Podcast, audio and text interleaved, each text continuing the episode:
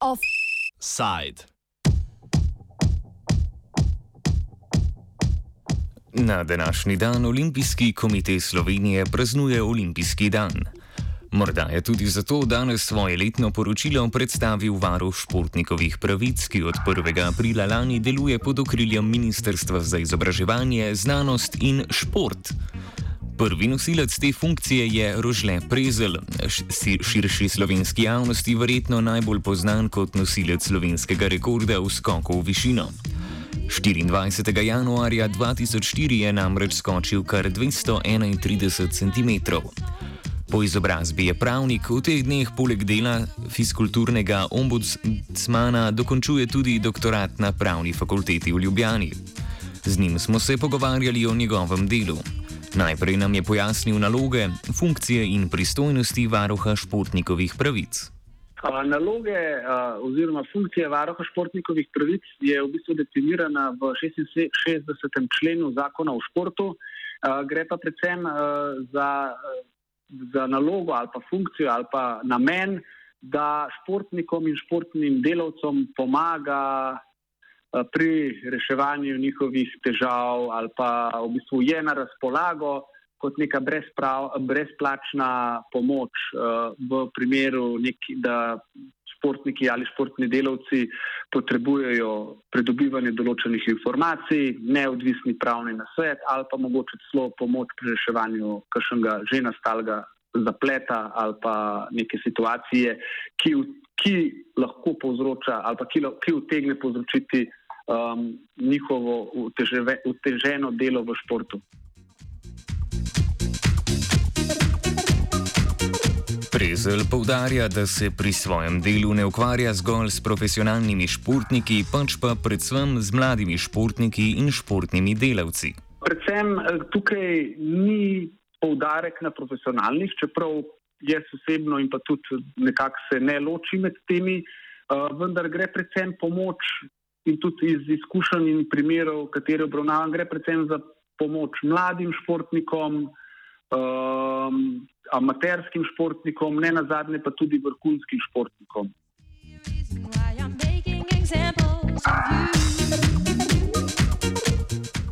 Institut varuha športnikovih pravic je sicer obstajal že pred zadnjo spremembo zakona o športu. Do lanske pomladi je deloval v okviru Olimpijskega komiteja Slovenije. Kar se tiče instituta varuha po zakonu o športu, ta deluje od 1. aprila uh, eh, 2018 naprej. Vendar pa predhodno sem jaz in vas, tukaj gre velika zahvala krovni športni organizaciji Olimpijskih komitejev Slovenije, kjer je v bistvu ta inštitut že nekaj let deloval in zaradi uspešnosti in pa prepoznave, da je ta inštitut za šport v Sloveniji pomemben, se je tudi zakonodajalec odločil, da ga pač uvrsti v zakon in s tem se je 1. aprila v bistvu m, uh, inštitut varuha iz Olimpijskega komiteja Slovenije uh, lahko rečemo, nekako tako preselil v okvir ministrstva z zakonskimi pooblastili.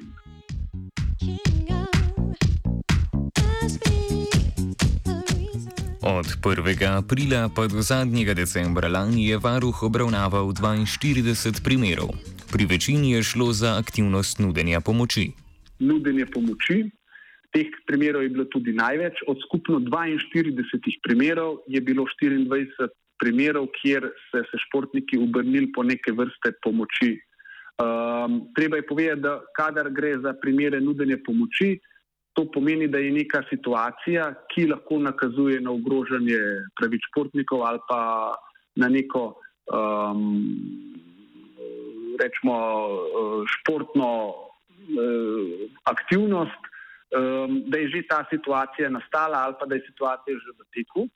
Potem pa druga večja kategorija um, postopka ali pa večja kategorija primerov, ki sem jih imel, je pa v bistvu posredovanje informacij, seznanitev ali pa svetovanje. To je pa v, ponavadi v tistih primerih, ko recimo neka situacija, ki bi lahko nakazovala, da gre za neko oteževanje ali pa ogrožanje pravic športnikov ali pa športnih delavcev, še ni nastala, pa se športniki ali športni delavci name obrnejo preventivno, po nasvet kako ravnati, kakšne imajo pravice, kaj lahko pričakujejo, kakšna je najboljša pot za, um, rečemo, um, njiho, za uresničevanje ali pa zagotavljanje njihovih pravic.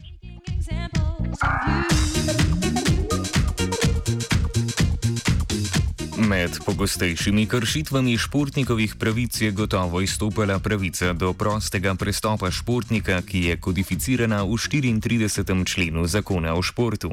Največ primerov, je, um, s katerimi sem se ukvarjal v preteklem letu, je bilo vezano na 34. člen zakona o športu, to je prost prestop športnikov med športnimi organizacijami. Um, to, to pomeni, da se bodo poslušalci lažje predstavljali. To je takrat, ko recimo nek otrok ali pa mladi športnik, večinoma gre za primere mladih športnikov, ko želi prestopiti iz enega kluba v drugega, znotraj iste nacionalne panožne športne zveze in klub, katerega športnik zapušča, zahteva plačilo nekega nadomestila za vzgojo. To je bilo največ teh primerov. Um, to je tudi v javnosti, so te primeri zelo poznani, že vrsto let se slovenski šport za temi primeri je ukvarjal. Um, prav zaradi tega, ker je to pač pereč problem na področju športa, je tudi zakon v 34. členu to uredil.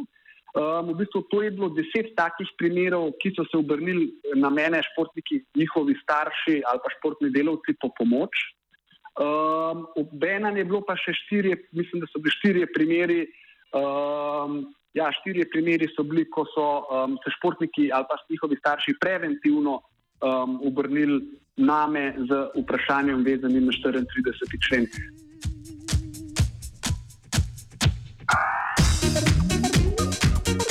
Prezel poudarja, da je prestop športnika v drug športni klub načeloma neodplačen.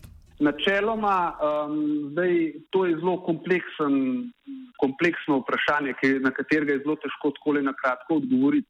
Načeloma, po prvi alineji 34. člena imajo športniki med športnimi organizacijami prost prestop. Načeloma naj se um, za take vrste prestopov, za mlade športnike, naj ne bi zaračunavala ta nadomestila vendar potem na, na podlagi tudi mnenja, ki ga je izdalo ministrstvo, zelo osko, v zelo oskem segmentu se taka nadomestila eventualno lahko zaračunavajo, ampak ne pa tako nasplošno, kot imajo to, recimo, ko je to bila uh, praksa um, teh internih registracijskih pravilnikov nacionalnih panožnih zvez.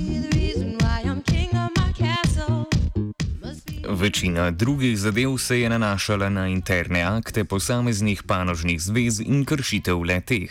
Potem so pa še drugi primeri, ki so predvsem vezani na neke odločitve športnih organizacij. Um, te so bili pa razno vrstni, imenovanje v reprezentanco ali pa um, sprejetje določenega ukrepa ali pa sklepa zoper športnika ali pa neke odločitve.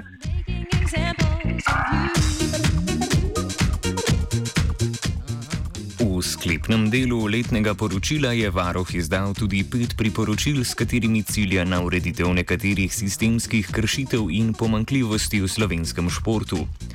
Na podlagi delokroga je seveda prvo namenjeno kršitvam 34. člena zakona o športu. Ena izmed priporočil je, da se pač glede na število primerov, da se dosledno začne izvajati ta 34. člen oziroma da se prepreči in kar se da zajezi um, to prakso zaračunavanja teh nadomestil za mla, predvsem mlade športnike, ko prehajajo iz šport, ene športne organizacije v drugo. To je rečemo vezano direktno na količino teh primerov. Um, poleg tega sem se pa usredotočil predvsem v dve, dva segmenta, bi lahko rekel. En segment je zagotavljanje čistega športnega okolja, se pravi nekega prijaznega, varnega okolja, v katerem športniki delujejo. Um, to je priporočilo, ki se nanaša um, na krovno športno organizacijo, da poskuša um, izvajati čim več izobraževanj in pa nudi pomoči, um, se pravi, predvsem vezano na pravno-administrativno delovanje športnih organizacij. Um, to je uh, en ta sklop, drug sklop se nanaša na um, na zagotavljanje, ker v Sloveniji nimamo neke neodvisne arbitraže, ki bi v primeru nekih sporov neodvisno um, odločala, uh, da se v bistvu spodbudi uh, disku, rečemo, razprava o tem, kako bi se področje, to področje lahko rešilo in pa izboljšalo, predvsem zato, da se športnikom pa športnim delavcem in pa tudi v celotnem športu omogoči, da se neke situacije, ki mogoče nakazujejo, da so recimo neki spori, lahko reševale, da tem, recimo, ti spori ne bi prihajali na redna sodišča in da bi se v, pri reševanju, predvsem to je pomembno, da se v okviru arbitražnega reševanja lahko v večji meri upošteva ta specifična narava športa, ki ga ima šport v družbi. Poleg tega prezel opozori tudi na dostopnost javne športne infrastrukture. Poleg tega sem se pa dotaknil še področja, ki se mi zdi ključno za razvoj in pa za delovanje športa, je pa dostopnost do javne športne infrastrukture, kajti zakon o športu to opredeljuje, prednostno uporabo javnih športnih objektov za javne programe, ki jih športne organizacije izvajajo, um, in pa tudi um, um, ne samo dostop do teh športnih objektov, kot so recimo bazeni in pa recimo atletski stadioni in nogometni stadioni, ampak tudi do šolskih športnih telovadnic, ki bi nekako v popoldanskem času po zaključku šole bile prioritetno, mogli, mogli biti prioritetno zagotovljene za programe, ki se izvajajo na področju športa v javnem interesu. Da se v bistvu to področje, predvsem tukaj je merim na um, šolske športne telovadnice, ki so v, uh, ki, ki spadajo pod upravljanje osnovnih šol in pa srednjih šol, so pa v lasti Ministrstva uh, za izobraževanje, znanost in šport ali pa lokalne, lokalne skupnosti, se pravi občine, da se prioritetno um, določi, uredi sistem, kako se te ure, ki so primerne za izvajanje programov, javnih programov športa, um, uh, delijo, kakšen je postopek, in da se upošteva ta prednostna uporaba, ob tem, da um, se zagotovi tudi cenovna primernost, se pravi, da se zagotovi uh, cen, cena, ki ni um, komercialna, ampak cena, ki nekako naj bi uh, pokrivala zgolj uporabo teh prostorov, ne pa da je v tej ceni še vštet nek dobiček uh, ali pa rečemo nek zaslužek teh, uh, ki to dajo v najem. Offside je pripravil Zupan. Ra, ra, ra, ra, radio, študent. 89,3 MHz. UKV v stereotehniki.